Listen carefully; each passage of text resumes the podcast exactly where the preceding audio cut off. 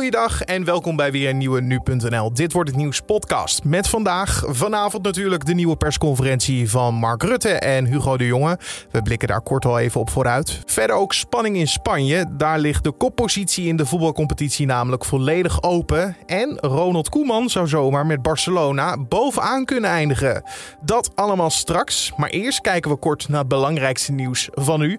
Mijn naam is Carne van der Brink en het is vandaag dinsdag 11 mei. VVD-leider Mark Rutte presenteerde gisteravond in Nieuwsuur zijn lang verwachte radicale ideeën. Dit na de vertrouwenscrisis in Den Haag rond de toeslagenaffaire. Rutte erkent dat hij fouten heeft gemaakt, maar gooit het roer niet drastisch om. Maar ik ga niet opeens allerlei dingen anders doen. Ik ben heel trots op die afgelopen tien jaar. Een van de ideeën is dat hij vooral de relatie tussen de burger en de overheid wil herstellen. Daarvoor moet er een extra club opgericht worden om mensen te helpen die problemen hebben met een overheidsinstelling. Als het dus in de uitvoering blijkt dat dingen niet goed gaan. Bijvoorbeeld met de kinderopvangtoeslag.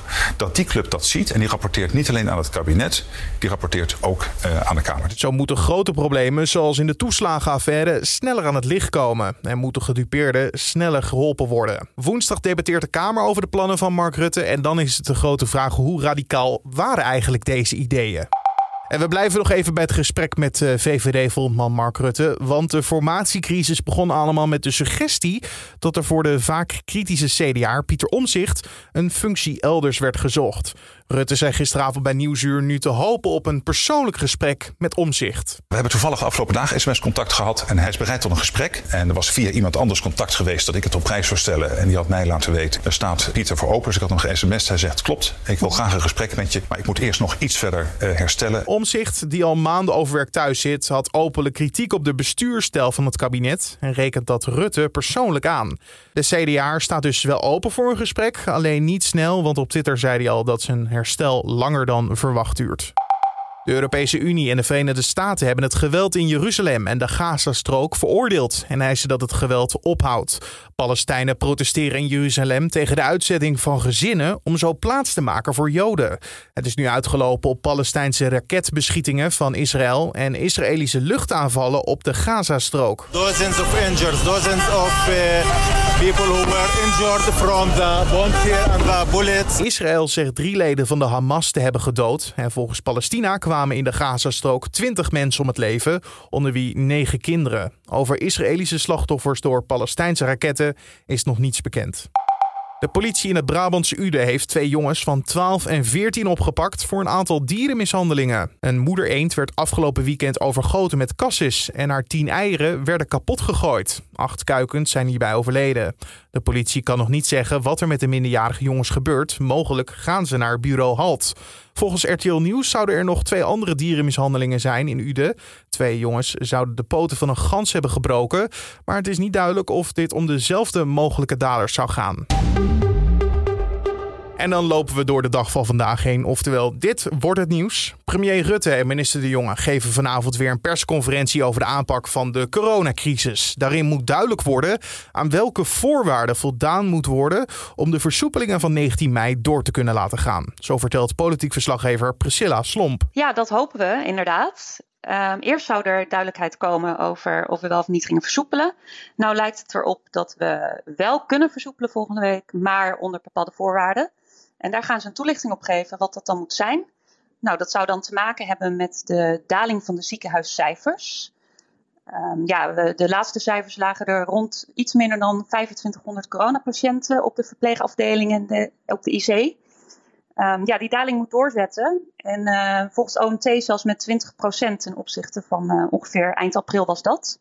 En daar zitten we nog niet. Dus uh, veel mitsen en maren toch nog. Verder blijft het onrustig wat betreft de communicatie vanuit de overheid. Het is daarom nog maar de vraag wie het momenteel nog begrijpt. Nou, ik uh, inmiddels ook amper meer, terwijl ik me er toch veel in verdiep natuurlijk. Ik heb gisteren uh, het openingsplan eens bekeken, die op 13 april werd gepresenteerd. Nou ja, daar stonden mooie data in genoemd. En destijds waren er al wel wat, uh, wat vragen over van is dat nou wel handig? Want dat gaat verplaatsen, wordt verschoven. Nou, dat hebben we inmiddels al een paar keer gezien. Uh, eerst zouden we vorige week versoepelen, dan, nu zou er nu een besluit komen. Nu wordt het besluit eigenlijk pas volgende week genomen. Maar ja, stap 3 zit er aan te komen, dus dat gaat ook opschuiven. Dus inmiddels zijn de, de data niet meer duidelijk. Uh, waar, op welke getallen we varen is, is niet geheel meer duidelijk. En ook het moment van besluitneming is onduidelijker geworden. Dus al met al is het een beetje een verwarrende verwarrend openingsplan geworden. De persconferentie start vanavond om 7 uur en is uiteraard ook live te volgen via nu.nl. En met nog drie wedstrijden te gaan is het spannender dan ooit in de Spaanse competitie. Barcelona en Real Madrid staan beide op 75 punten. Dat zijn er twee minder dan koploper Atletico Madrid. Die heeft er 77. Het kan daarmee nog alle kanten op, zo vertelt sportverslaggever Riepke Bakker. Ja, ongelooflijk. Ongelooflijk voor Spaanse begrippen. Drie clubs kunnen nog kampioen worden. Want ja, we hebben jaren achter de rug waarin Barcelona en Real. Eén van die twee die werd altijd kampioen. En dan maakte de Messi de 50 en Ronaldo de 46. Ja, en nu zijn het drie clubs die heel dicht bij elkaar uh, liggen. En het leuke is ook wel een beetje dat dit seizoen nou ja, de hegemonie van Barcelona en Real uh, nou, nog niet doorbroken is door Atletico. Maar ze zijn wel heel dichtbij. En daar is het Spaanse voetbal ook misschien wel eens een keertje aan toe een andere kampioen uh, na zeven jaar dan Barcelona of Real. Wie heeft momenteel dan de beste papieren om ook daadwerkelijk op die koppositie te eindigen dit seizoen? Ja, dan zeg ik Atletico. En dat zeg ik vooral omdat ze twee punten voor staan. En ja, we zijn bijna bij het einde, dus dat ziet er heel goed uit. Maar ook omdat het een vechtploeg is. Ze hebben een trainer, Diego Simeone. Um, ja, die houdt niet van mooi voetbal, maar wel van winnen. Hij ziet er een beetje uit als een, als een zeerover. En ja, zo is dat elftal van Atletico ook. Het is, een, uh, ja, het is niet allemaal even gepolijst, maar ze gaan er wel voor. Het staan een stelletje winnaars, een stelletje bandieten bij elkaar. En ja, de allergrootste uh, winnaar van allemaal is de man die op dit moment, nou ja, misschien wel gedreven wordt door rancune.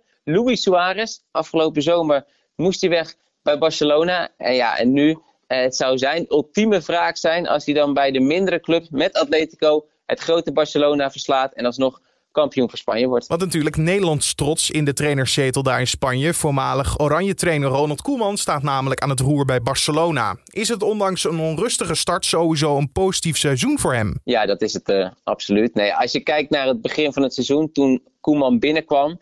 Uh, ze hadden kort daarvoor met 8-2 verloren van Bayern München. De club stond bijna een miljard in het rood. De sterspeler Lionel Messi uh, die wilde weg. Het was eigenlijk één grote bende. En uh, ja, dat is het nu niet meer onder Koeman. Er wordt mooi gevoetbald. Messi speelt weer met een glimlach op zijn gezicht. Natuurlijk, uh, de financiële problemen zijn niet opgelost. Maar hij is wel een beetje de wonderdokter geweest. En er was niemand die een titel van hem uh, verwachtte. Dus mocht hij kampioen worden met Barcelona, dan is dat vooral een bonus. Maar er staat wel weer een team waarmee je verder kan bouwen. Omdat er niet zoveel geld is, zijn er weer wat talenten in de ploeg gekomen. Hè? Pedri, Moriba, Mingueza, sommige jongens die al vanaf hun zevende in de jeugdopleiding spelen. Ja, die hebben onder Koeman de kans gekregen om door te breken. Dus ja, er ligt een basis, ook als ze geen kampioen worden, voor de komende jaren. FC Barcelona speelt vanavond om 10 uur tegen Levante, die momenteel op de 14e plaats staat. En is het bij ons een beetje voetbalweer of kan je het beste gewoon binnen met een boek zitten? Nou, je hoort het van Alfred Snoek van Weerplaza. In het oosten van Nederland overheerst vandaag de bewolking en valt soms wat regen of een bui. In de westelijke provincies breekt vooral vanmorgen nog af en toe de zon door, maar ook daar kan vanmiddag toch wel een aantal pittige buien tot ontwikkeling komen, mogelijk met onweer. De temperatuur komt uit op zo'n 16 graden in het uiterste oosten van het land tot lokaal 20 graden in Zeeuws-Vlaanderen. Dankjewel Alfred Snoek van Weerplaza. En om af te sluiten nog even dit. De Amerikaanse zender NBC, dat al decennia lang de uitreiking van de Golden Globes uitzendt, weigert dit volgend jaar opnieuw te doen. Het besluit volgt na de vele kritiek die is gekomen op het gebrek aan diversiteit in de organisatie van de filmprijzen. En dit besluit volgt dan weer een week nadat de organisatie juist verandering op het gebied van diversiteit aankondigde. Volgens de zender heeft dit proces tijd nodig. Ze hopen de prijzengala over twee jaar misschien weer te kunnen uitzenden met dan de nodige veranderingen. Het is nog niet bekend of een andere zender wel bereid is om dit jaar de Golden Globes uit te zenden. En met deze rel in Hollywood sluiten we de podcast af voor deze dinsdag 11 mei. Je vindt ons in de ochtend en middag op de voorpagina van nu.nl en natuurlijk in je favoriete podcast app. Spotify, Apple Podcast of Google Podcast. Help ons de podcast beter te maken door een mailtje te sturen naar podcast.nu.nl, ons mailadres podcast.nu.nl. En dan kan je inzetten wat je van de podcast vindt, eh, hoe we het doen, eh, wat je beter zou willen zien of dat je iets mist aan de podcast in deze vorm. Laat het ons weten via podcast.nu.nl. Mijn naam is Carne van der Brink. Een hele mooie dag en heel erg bedankt voor het luisteren.